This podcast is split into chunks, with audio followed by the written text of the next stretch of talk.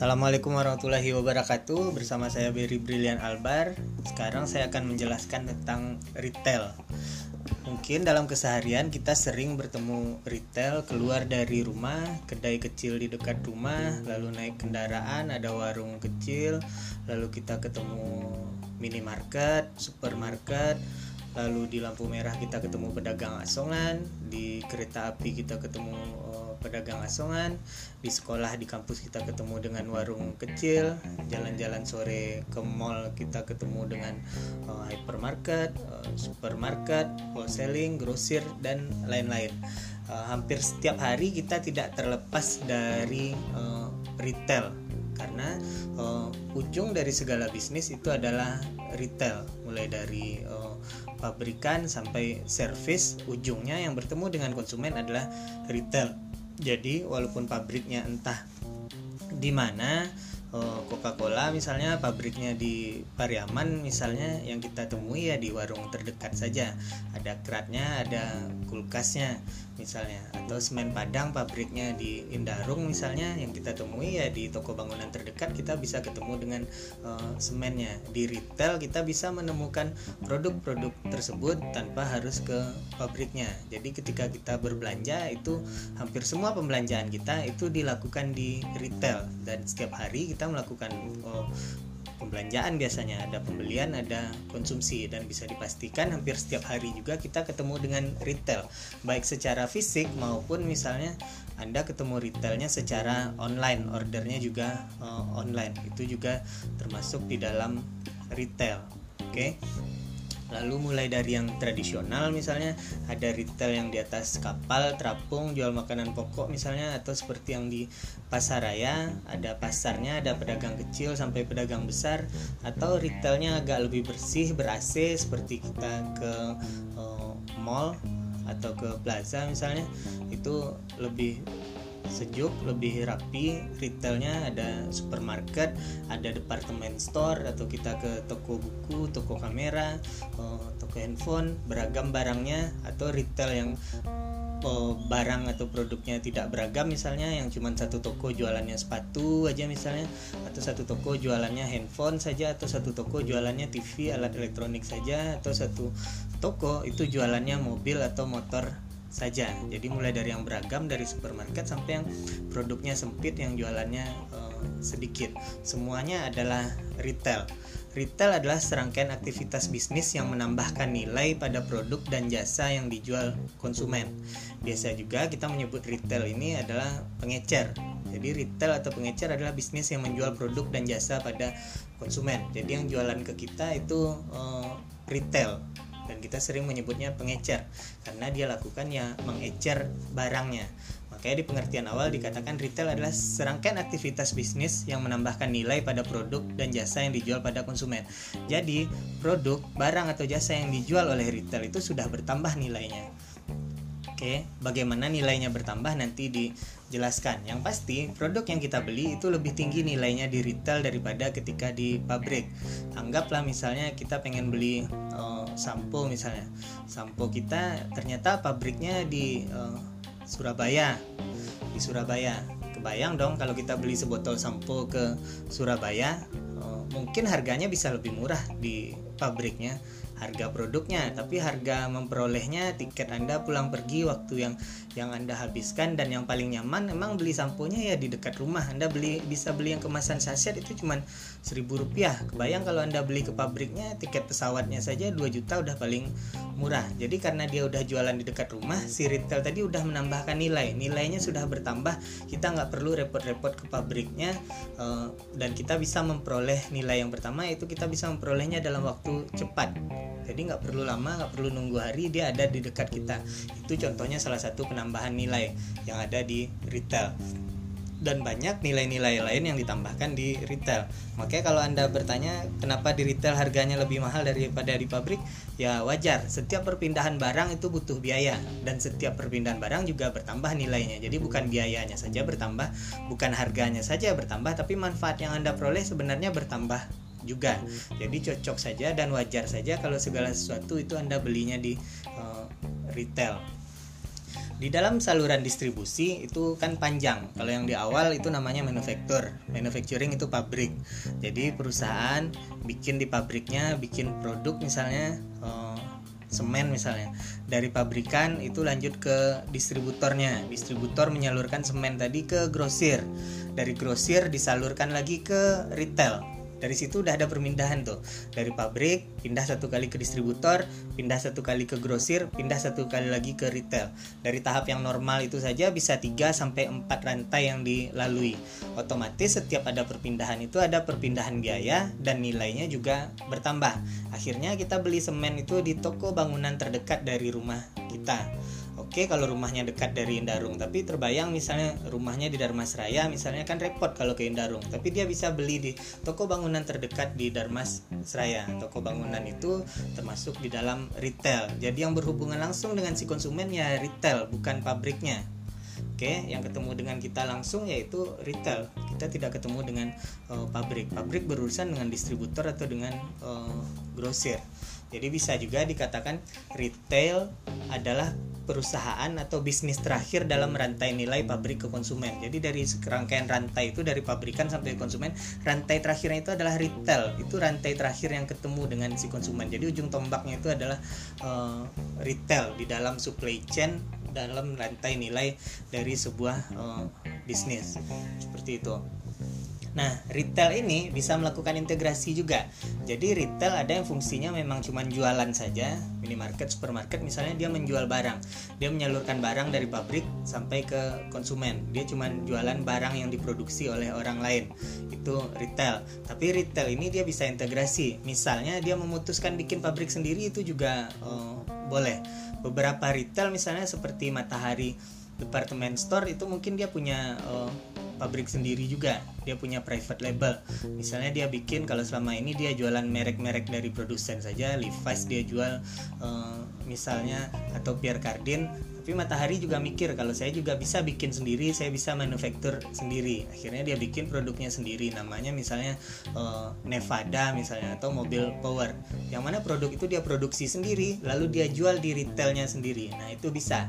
Jadi retail makin lama biasanya kalau makin besar bisnisnya mereka punya peluang uh, budget untuk memperlebar bisnisnya sehingga dia bisa jadi dia punya pabriknya sendiri. Kalau selama ini cuma jualan baju, pakaian dan lain-lain, bisa aja dia dia memproduksi produk eh, produk-produk tersebut. Atau sebaliknya, ada juga pabrikan dia yang memproduksi, dia yang bikin lalu dia bikin retailnya. Uh, seperti uh, Adidas misalnya dia punya pabrik Adidasnya lalu dia jual di toko resminya merchant khususnya di Adidas uh, store misalnya. Jadi bisa si pabrikan bisa memperpanjang rantainya sampai dia bisa bikin perusahaan retail sendiri atau si retail pun mundur dia bisa bikin sampai bikin pabriknya uh, sendiri. Jadi integrasi bisnis retail itu bisa ke depan bisa uh, ke belakang. Selain itu integrasi retail itu juga bisa ke samping. Dia bisa menambah uh, dia bisa menambah salurannya jadi kalau hari ini retailnya cuma jualan fisik misalnya, dia tambah salurannya, dia buka retailnya online misalnya. Matahari Department Store itu punya toko fisik, lalu dia juga buka tokonya yang uh, online. Berarti dia udah punya dua saluran. Udah kebayang kita cukup punya satu stok, tapi kita bisa jualan di dua saluran. Jadi bisa integrasinya ke depan, ke belakang, uh, ke samping. Gunanya adalah untuk memperluas, memperbesar bisnis retail uh, tersebut. Oke, retail-retail besar itu makin lama makin banyak saluran yang dia gunakan. Bisa jadi dia punya pabrik uh, sendiri, bisa jadi dia punya cabang retail yang lebih uh, banyak. Kembali ke pengertian awal bahwa retail adalah fungsinya untuk menambahkan nilai. Nilai yang ditambahkan di dalam retail itu yang pertama itu menyediakan keberagaman. Jadi dengan adanya retail itu kita bisa beli produk itu di satu tempat jadi misalnya kalau kita mau beli uh, teh kopi gula misalnya itu bisa di satu uh, tempat. Beli tepung uh, makanan lainnya minuman itu bisa di satu tempat. Jadi retail nilai pertamanya adalah menyediakan keberagaman. Kebayang kalau nggak ada retail berarti kita akan belinya ke satu-satu toko. Satu toko jualan kopi aja satu toko jualan teh aja yang ini jualan gula saja. Kebayang berapa waktu yang dihabiskan dan berapa toko yang harus kita kunjungi. Sedangkan dengan adanya retail itu bisa jadi one stop shopping. Semua produk dan beserta produk pembantunya dan produk substitusinya biasanya itu ada di satu titik. Jadi kita mengunjungi satu retail aja itu udah banyak pilihannya banyak yang bisa kita beli produknya beragam. Itu nilai pertama yang bertambah atau value yang bertambah bagi konsumen. Value selanjutnya adalah mengecer. Dengan adanya retail kita nggak perlu belinya dalam jumlah yang dari pabrikannya. Jadi misalnya kita mau beli mie instan kalau dari pabrikan dia mengeluarkan kan dalam uh, kemasan kardus. Misalnya isi 40 bungkus. Kadang kan kita cuma butuh mie instannya kan cuma dua bungkus tiga bungkus. Dan kalau satu kardus pun itu isinya cuma satu rasa bisa jadi satu kardus itu 40 bungkus itu isinya kari ayam semuanya. Sedangkan kita butuh uh, lebih sedikit jumlahnya. Nah, nilai selanjutnya yang dibeli, diberikan oleh retail adalah ya dia jualannya nggak per kardus, dia buka bulknya, dia buka kardusnya, dia bisa menjual satu persatu dan kita cukup nyaman juga belinya satu-satu. Beli mie instan cukup satu, uh, ngapain sekardus, beli batu baterai misalnya ngapain harus sekardus, cukup beli satu, beli rokok misalnya ngapain harus sedus misalnya kalau bisa sebungkus atau sebatang. Jadi itu nilai selanjutnya itu retail itu mengecer dia seperti yang sebut, sering kita sebut retailer adalah pengecer. Fungsi selanjutnya nilai yang ditambahkan adalah nilai inventaris atau ketersediaan. Dengan adanya retail berarti barang e, produk tersebut ada tersedia di retail tersebut. Jadi kita nggak perlu repot-repot stok di rumah di retail terdekat di rumah kita kan udah kayak gudang deh. Jadi kita mungkin beli pas kita butuhkan saja beli berapa butuh. Mungkin kita sistem belanjanya kan belanja bulanan ya cuma sekali sebulan saja nggak perlu kita repot-repot beli stok untuk satu e, tahun. Untuk stok satu tahun cukuplah mereka simpan sendiri di gudangnya nanti kita angsur belinya tiap bulan tiap hari atau tiap uh, minggu. Dan dengan adanya uh, retail berarti ada tempat terdekat dari lokasi kita yang pasti menyediakan produk yang kita inginkan. Jadi kita udah ada patokannya nih. Kalau ini habis dekat rumah kita oh ada. Kalau sabun habis dekat rumah kita di situ ada yang jual. Odol gigi habis di situ ada yang uh, jual. Jadi nilai selanjutnya retail itu menawarkan uh, ketersediaan. Selanjutnya retail itu bisa menawarkan uh, jasa. Menawarkan jasa di sini di retail uh, biasanya yang modern itu dia menawarkan untuk bisa pembayarannya berbagai metode. Ada yang dengan sistemnya debit ada yang bisa pakai uh, kartu kredit seperti itu. Atau pakai uang elektronik yang lainnya. Jadi di retail itu ada jasa seperti itu. Mungkin kita bisa berutang pula belanja bulanannya dibayar di bulan depan. Itu contoh uh, nilai lainnya yang ditambahkan oleh uh, retail. Contoh nilai lainnya adalah uh, dengan adanya di retail itu produknya beragam. Kita bisa belinya acak bisa belinya dalam jumlah sedikit bisa dalam jumlah banyak. Beberapa retail itu kadang juga menawarkan sampelnya.